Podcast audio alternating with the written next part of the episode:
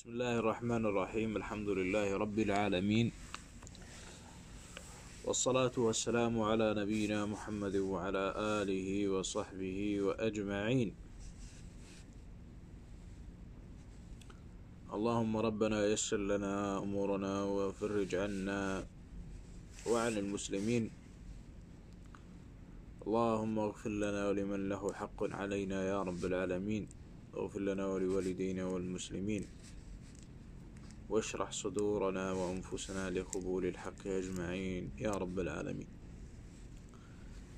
يقول الشيخ محمد بن شامي بن مطاعن حفظه الله في كتابه التسير في قول الله عز وجل بعد أعوذ بالله من الشيطان الرجيم بسم الله الرحمن الرحيم. والضحى والليل إذا سجى ما ودعك ربك وما قلى. يقول الشيخ أقسم بالضحى. وهو أول النهار من طلوع الشمس وارتفاعها قيد رمح إلى قبيل الزوال. وما في هذا الضحى من النور البهي ونشر الضياء في الأرض والليل إذا غطى العالم بظلامه. ما تركك ربك أيها النبي ولا تخلى عنك ولا أبغضك بل أحبك وأدناك. الشيخ حفظه الله بين أن الله عز وجل أقسم بالضحى. وذكر أن الضحى هو أول النهار وحدد أن أول النهار هو من طلوع الشمس وارتفاعها في قيد رمح إلى قبيل الزوال. هذا كله يسمى أول النهار. أما الضحى ولذلك الضحى فإن العرب حتى نعرف الضحى إن العرب تقسم النهار إلى عدة أقسام فأولها الفجر ثم الصبح ثم الصباح ثم الشروق ثم البكور ثم الغدوة ثم الضحى ثم الهاجرة ثم الظهيرة. إذن بعد شروق الشمس بمقدار ساعة يدخل وقت البكور. ومقداره ساعة. ثم بعد البكور تكون الغدوة. ومقدارها كذلك ساعة. ثم بعد الغدوة تكون الضحى. ومقداره ساعة. ومقدار الساعة عند العرب تقريبا هي أربعة وأربعون أو خمس وأربعون دقيقة كما قرره أو بحث فيه أو له مبحث فيه أبو تراب الظاهري رحمه الله. إذا هذا هو وقت الضحى والضحى والليل إذا سجى.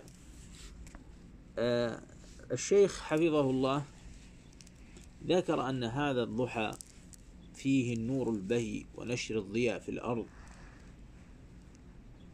ثم قال والليل إذا غطى العالم بظلمه.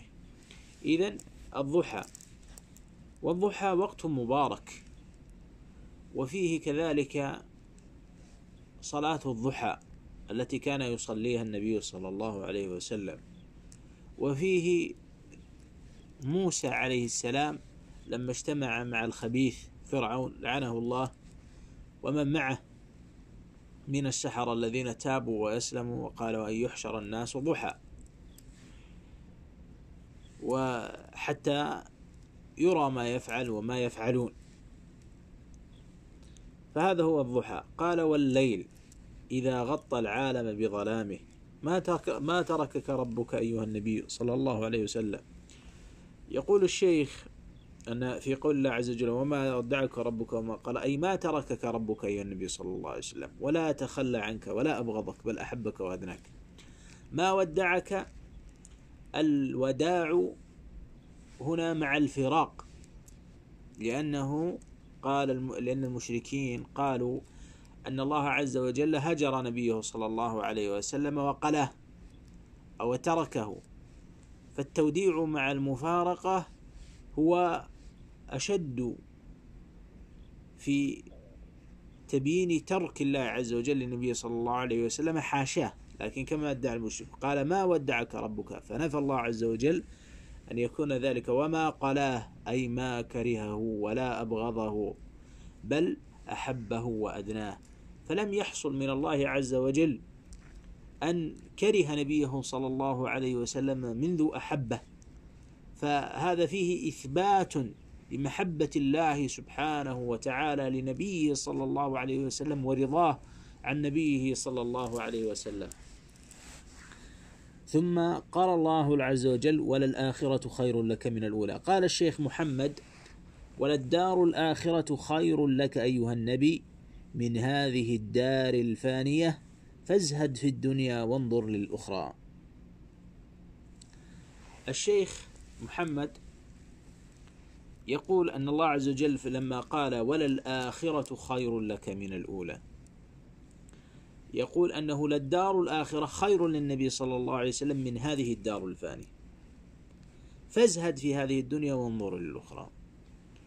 ووجه توجيه هذا الخطاب للنبي صلى الله عليه وسلم. أن النبي صلى الله عليه وسلم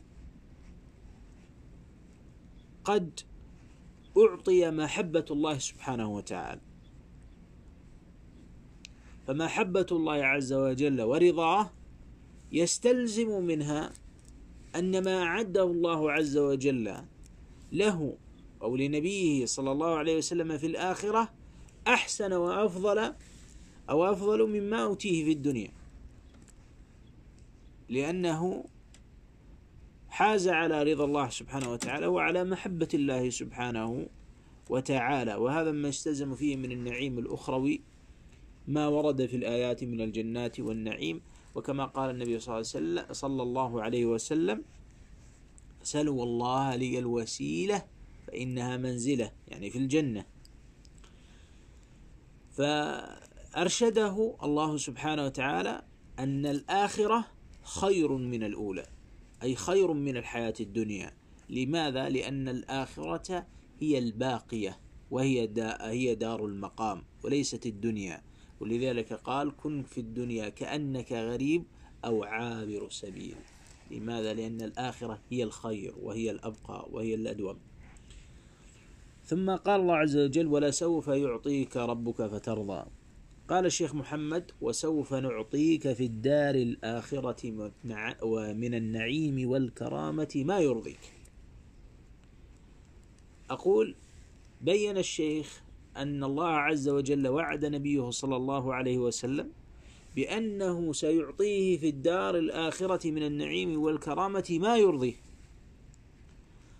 فدل على ما ذكرت آنفا من أن الآخرة خير لك من الأولى وأن النبي صلى الله عليه وسلم سيعطى حتى يرضى حتى يرضى النبي صلى الله عليه وسلم. ومن ذلك مقامات كثيرة منها النعيم ومنها المقام المحمود ومنها النظر إلى الله عز وجل والمقام المحمود. فيشفع النبي صلى الله عليه وسلم في الخلائق. اللهم صل وسلم عليه. حتى يقضى بينها ويشفع في أهل الكبائر من أمته ويشفع في عمه أبي طالب ويشفع في كثير. فيعطى النبي صلى الله عليه وسلم حتى يرضى عليه الصلاة والسلام. حتى يشفع في العصاة وفي أهل الكبائر. اللهم صل وسلم على رسولك وآله وصحبه وسلم. ولسوف يعطيك ربك فترضى. وهذا وعد من الله حق. حتى يتحقق رضا النبي صلى الله عليه وسلم. فلذلك الآخرة للنبي صلى الله عليه وسلم خير له من الأولى لما اشتملت عليه من نعيم ومن فضل ومن جود من الله سبحانه وتعالى على نبيه صلى الله عليه وسلم. وذلك جزاء للنبي صلى الله عليه وسلم لما ابتلاه الله به عز وجل من النبوة. فالنبي صلى الله عليه وسلم صبر على أذى الناس وصبر على تبليغ وحي الله وصبر على القتال وصبر على أشياء. فهذه من عاقبة الصبر أنها أورثت رضا الله سبحانه وتعالى ومحبة الله عز وجل ووعد الله سبحانه وتعالى للنبي صلى الله عليه وسلم بإعطائه حتى يرضى. ثم قال عز وجل ألم يجدك يتيما فآوى ووجدك ضالا فهدى. وجدك عائلا فأغنى. قال الشيخ محمد ألم يجدك يتيما قد مات أبوك فآواك ورعاك وحرسك وحماك وحفظك من كل سوء؟ ووجدك ضالا لا تعرف دينا ولا كتابا ولا علما فهداك وعلمك ما لم تكن تعلم. ووفقك واختارك لرسالته رحمة للعالمين. ووجدك فقيرا فأغناك عمن سواه. وقنعك بما آتاك من الرزق. فسر الشيخ محمد قول الله عز وجل ألم يجدك يتيما فآوى وجدك ضالا فهدى وجدك عائلا فأغنى بما سمعت. فقد ولد النبي صلى الله عليه وسلم يتيما لا أب له. ثم ماتت أمه بعد ذلك. كذلك فكفله أبو طالب فكفله جده ثم بعد جده أبو, أبو طالب. ورعاه وحرسه الله سبحانه وتعالى وحفظه. ألم يجدك يتيما فآوى. آواه. قال وجدك ضالا فهدى. ضالا. فالنبي صلى الله عليه وسلم أمي لم يقرأ ولم يكتب ولم يتعلم. فهداه الله عز وجل للشريعة. ولكن النبي صلى الله عليه وسلم ما سجد لصنم قط وما حبب إليه شيء من أعمال أهل الجاهلية بل كان يكرهها ولا يحلف بالأصنام ولا بغير الله عز وجل بل كان يتحنث قبل نزول الوحي عليه عليه الصلاة والسلام من إرهاصات نبوته عليه الصلاة والسلام. فلم يكن يعرف العلم ولا الكتاب ولا الشرع ولا شيء من ذلك ووجدك ضالا فهدى. ووجدك عائلا فأغنى. عائلا العائل والفقير. فأغناه الله عز وجل فتزوج خديجة رضي الله عنه عنها وأرضاها. فواست النبي صلى الله عليه وسلم بمالها فهي كانت صاحبة تجارة. ولذلك المرأة ذات المال من النعم. أن إذا أعطت زوجها من النعم على هذا الزوج التي أنعم, أنعم الله عز وجل عليه بها. ولذلك قال النبي صلى الله عليه وسلم تنكح المرأة لأربع ومنها لمالها. أي رغبة الزوج في هذا المال. فمن الله عز وجل على نبيه صلى الله عليه وسلم من النعم العظام أن زوجه خديجة رضي الله عنها آه، صاحبة عقل ودين فآمنت بالنبي صلى الله عليه وسلم ونصرته بمالها وبنفسها عليه الصلاة عليه الصلاة والسلام. فكانت تدافع عن النبي عليه الصلاة والسلام وتصبر النبي عليه الصلاة والسلام على ما يلقاه من قريش. قال ووجدك عائلا. وكذلك الله عز وجل من بعد موت خديجة رضي الله عنها على نبيه صلى الله عليه وسلم بالمغانم على المسلمين. وجدك عائلا فأغنى. فقنعه الله بما أتاه من الرزق. ووجه الاعتبار لم يذكره الشيخ محمد. لماذا ذكر الله عز وجل امتنانه على نبيه صلى الله عليه وسلم بإيوائه في يتمه وهدايته من ضلاله وإغنائه من فقره؟ الوجه من هذا أن الذي أعطاك هذه الخيرات في الدنيا سيعطيك أكثر منها في الآخرة وأفضل منها في الآخرة.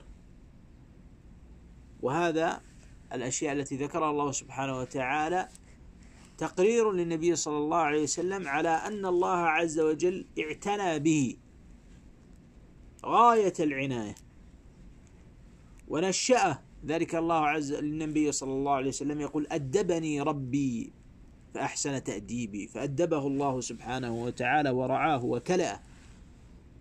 فما أعده الله سبحانه وتعالى لنبيه صلى الله عليه وسلم خير وأحسن من هذا في الدنيا. قال الله عز وجل فأما اليتيم فلا تقهر وأما السائل فلا تنهر وأما بنعمة ربك فحدث. قال الشيخ محمد فأما اليتيم فلا تذله وتهنه بل أحسن إليه وكله كالأب الرحيم. وأما السائل فلا تنهره بل أعطه ما تيسر ولله في القول وكن معه في حاجته. وأما بنعمة ربك من الإيمان والوحي والرسالة والعلم وغيرها من النعم التي لا تعد ولا تحصى فحدث وانشر ذلك وأكثر من الشكر لله وعلم الخلق تعبدا لله واعترافا بفضله. إذا الشيخ في قول الله عز وجل فأما اليتيم فلا تقهر. ما معنى تقهر؟ فلا تذله وتهنه بل أحسن إليه وكن له كالأب الرحيم. لماذا خص الله عز وجل اليتيم؟ لأنه لا يستطيع على استنقاذ حقه. فهو أضعف من أن يدافع وأن يأخذ حقه. فلذلك الله عز وجل خصه بالذكر فأما اليتيم فلا تقهر. لا تذله ولا تهن بل أحسن إليه. كذلك الفقير والمسكين ومن لا يستطيع أخذ حقه. وهذا توجيه للنبي صلى الله عليه وسلم وللناس من بعده. وأما السائل فلا تنهر. السائل الذي يسأل المحتاج تعطيه ما تيسر له من صدقة أو من غيرها. وكذلك ليس فقط السائل سائل الصدقة كما ذكر الشيخ بل السائل أو لم يذكر هذا الشيخ بل السائل كذلك سائل العلم الذي يسأل عن العلم. يريد التعلم ويريد العمل وإذا كان عندك علم فلا تنهر بل تعلمه وتحسن إليه. فالشاب الذي أتى النبي صلى الله عليه وسلم فاستأذنه في الزنا فلم يعني النبي صلى الله عليه وسلم ينهره أو شيء من ذلك بل علمه. وكان به رفيقا عليه الصلاة والسلام. بل الأعرابي الذي بال في المسجد مسجد النبي صلى الله عليه وسلم الذي قال فيه ما بين منبري وبيتي روضة من رياض الجنة. بال فيه ذلك الأعرابي فقال لهم النبي صلى الله عليه وسلم لا تزرموه فكان شفيقا رحيما بأبي وأمي صلى الله عليه وسلم معلما لصحابته رضوان الله عليه وأما السائل فلا تنهر وأما بنعمة ربك فحدث. أي قال الشيخ أنه ما النعمة هذه من الإيمان والوحي والرسالة والعلم وغيرها من النعم التي لا تعد ولا تحصى فانشر ذلك وأكثر من شكر الله عز وجل على ذلك وعلم الخلائق. وهذا لمن أتى بعد النبي صلى الله عليه وسلم كذلك. فنعمة الله على العبد من العلم تزكو بعد العمل بها بتعليمها للناس ونشرها بالناس. فلولا نفر من كل فرقة منهم طائفة ليتفقهوا في الدين ولينذروا قومهم. فإذا تبليغ وحي الله وتبيين وتبيين ما أنزل الله على نبيه صلى الله عليه وسلم ونشره هو أمر مطلوب. والنبي صلى الله عليه وسلم حث على ذلك فقال نظر الله وجه امرئ سمع مني مقالة فأداها كما سمعها فربما مبلغ أو عام سامع. فدعا له النبي صلى الله عليه وسلم على التبليغ. وقال النبي صلى الله عليه وسلم خيركم من تعلم القرآن وعلمه. وقال النبي صلى الله عليه وسلم إن الملائكة لتضع أجنحتها لطالب العلم رضا بما يصنع. وغيرها من وغيرها من الأحاديث التي جاءت عن النبي صلى الله عليه وسلم بل إن الله عز وجل قال واتقوا الله ويعلمكم الله. بل إن الله عز وجل قال للنبي صلى الله عليه وسلم وقل ربي زدني علما ونحن أدنى من ذلك بمراحل فنحن أولى بسؤال الله عز وجل أن يعلمنا وأن يفقهنا في أمور ديننا. آه ثم قال الشيخ حفظه الله الدروس المستفادة من الآيات. واحد أيها المسلم احمد الله واشكره على ما أولاك من النعم التي لا تعد ولا تحصى. فمن ذا الذي هداك إلى هذا الدين؟ دين الإسلام. ومن الذي رباك؟ ومن الذي حفظك ورعاك؟ إن الله عز وجل. لكن بماذا قابلت هذا الإحسان وهذه النعم؟ هل شكرت الله عليها؟ وشكرت من أسدى إليك معروفا. فقد قال صلى الله عليه وسلم كما في حديث أبي هريرة رضي الله عنه لا يشكر الله من لا يشكر الناس. رواه أبو داود. فالشيخ رحمه الله يوجه أن هذا الامتنان على النبي صلى الله عليه وسلم كل منا قد من الله عز وجل عليه بشيء من ذلك. فالله عز وجل أولاك نعم لا تعد ولا تحصى. ولذلك قال النبي صلى الله عليه وسلم إذا أصبح ابن آدم أو كان على كل سلامة من ابن آدم صدقة. بما فيها من النعم التي أنعم الله عز وجل فيها عليك من تحريك أعضائك وبصرك ومفاصلك الشيء الكثير. والله عز وجل رباك بنعمه. بنعمة الوالدين أو بنعمة كذا أو بنعمة الحفظ والأكل والشرب والعافية وإلى آخره. فهذه نعم إذا تبصر الإنسان في نفسه أوجد أن الله عز وجد أن الله عز وجل أنعم عليه بنعم كثيرة في نفسه وفي أكله وفي شربه وفي من حوله وفي من أهله وفي لبسه وفي شيء الكثير مما غيره يفقده. فهذه نعمة الله عز وجل تترى. وكذلك لابد على المسلم أن يشكر الناس لا يشكر الله من لا يشكر الناس. فذلك النبي صلى الله عليه وسلم قال صلى الله عليه وسلم أنه لا أمن أحد منكم علي من أبي بكر رضي الله عنه وأساني بماله الحديث المعروف. فالنبي صلى الله عليه وسلم ذكر لأبي بكر رضي الله عنه سابقته ومعروفه في الإسلام ونصرته للنبي صلى الله عليه وسلم. ثم قال الشيخ اهتم بالآخرة فهي خير وأبقى واجعلها نصب عينيك دائما. وأما الدنيا فكن فيها كما قال صلى الله عليه وسلم كن في الدنيا كأنك غريب أو عابر سبيل. رواه البخاري عن ابن عمر رضي الله عنه. إذا والآخرة التي هي خير من الأولى والآخرة التي هي أبقى يجب على الإنسان كما قال الشيخ أن يجعلها نصب عينيه دائما. أي أن همه الآخرة. لذلك إذا جعل الله الإنسان همه ذكر الله عز وجل والآخرة جمع الله عليه قلبه وأتته الدنيا كما ورد في الحديث ومن جعل الدنيا هم فرق الله عليه أمره وشتت شمله. لماذا؟ عوقب بنقيض قصده. لأن الله عز وجل ما خلق الناس في هذه الدنيا إلا لعبادته.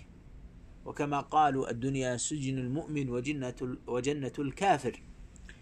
فالإنسان فالمؤمن ينتظر ما عند الله سبحانه وتعالى وينتظر أخراه ويراقب الله عز وجل في هذه الدنيا لأنها دار ابتلاء لنبلونكم. أفحسب الذين آمنوا أن يقولوا آمنا وهم لا يفتنون؟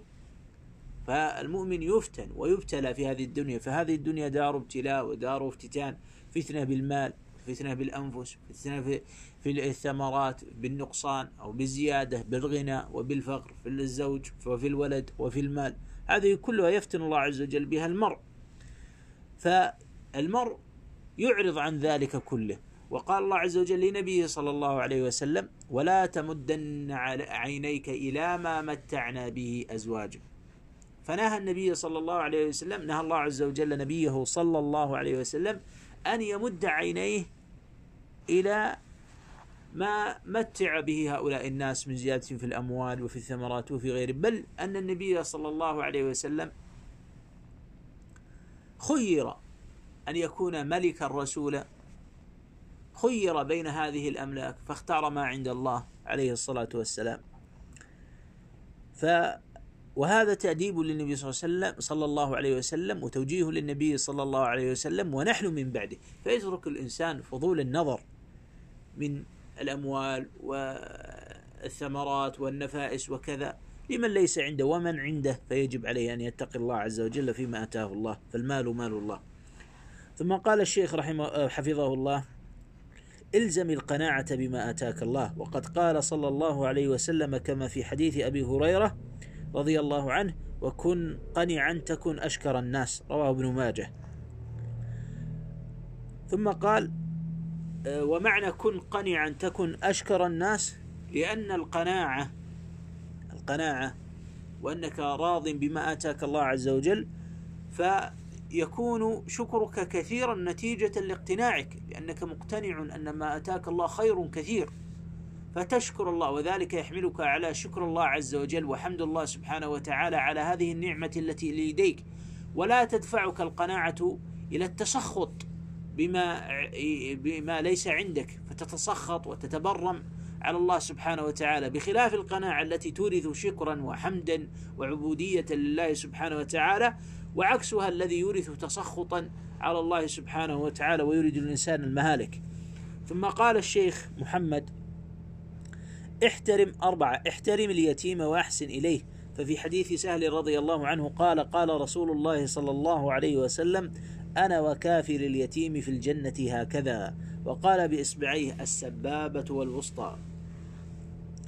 ثم قال الشيخ وهذا واضح في كفالة اليتيم وأمر النبي صلى الله عليه وسلم في كفالة اليتيم وأنه آه، يعني منزلته قريبة من النبي صلى الله عليه وسلم في الجنة لكفالة هذا اليتيم والإحسان إليه. ثم قال الشيخ حفظه الله أعط السائل ولا ترده حتى لو تعطيه شيئا يسيرا ما استطعت. وهذا سائل الحاجة كالمال ونحوه. وقد قال صلى الله عليه وسلم كما في حديث حواء بنت السكر رضي الله عنها ردوا السائل ولو بظلف محرق. رواه أحمد. والنسائي ومن سأل العلم فأجبه ولا ترده. يعني أن السائل يعطى بما عندك. وقد كانت عائشة رضي الله عنها لما جاءت آه، امرأة إليها تطلبها فتصدقت عليها بتمرة أو بشق تمرة. فهذا أيضا مصداق لهذا الحديث الذي رواه الإمام أحمد والنسائي في أن السائل يعطى ما تيسر فالإنسان لا يستقل من الخير شيء. ريال ريالين ثلاثة أربعة خمسة عشرة. من الذي معه؟ يعطي السائل. يعطي السائل مما معه. هذا إلى سائل الماء أما من سأل العلم فإنه قال الشيخ فأجبه ولا ترده والنبي صلى الله عليه وسلم أرشد إلى تعليم الناس وبعث الصحابة رضوان الله عليهم إلى اليمن وإلى البحرين وإلى غيرها لتعليم الناس دين الله عز وجل وأرسل معاذ رضي الله عنه لتعليم الناس ودعوة الناس إلى دين الله سبحانه وتعالى. ولذلك ورد في الحديث أنه من كتم علما ألجم بلجام من نار. فالإنسان إذا كان عنده طرف علم من شيء فسأله الناس فوجب عليه أن يبلغه للناس وأن يبلغ وحي الله وما أتاه الله من هذا العلم للناس حتى يعملوا بهذا.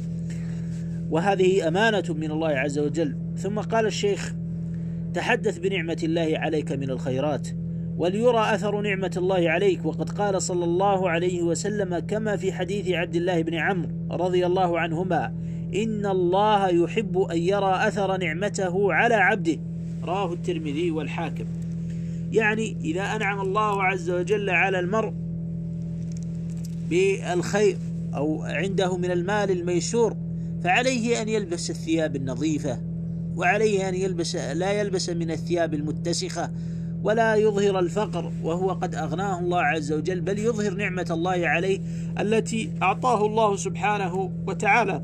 فإن هذا من شكر النعمة وأما كتمها فإنه من جحود هذه النعم. هذا ختام ما ذكره الشيخ حفظه الله في تفسير سورة الضحى. أصل إلى نهاية هذا التسجيل. وأسأل الله عز وجل لي ولكم العفو والغفران والرضوان. وأجزي الشيخ خير الجزاء. وأن يوفقنا وإياكم للعمل.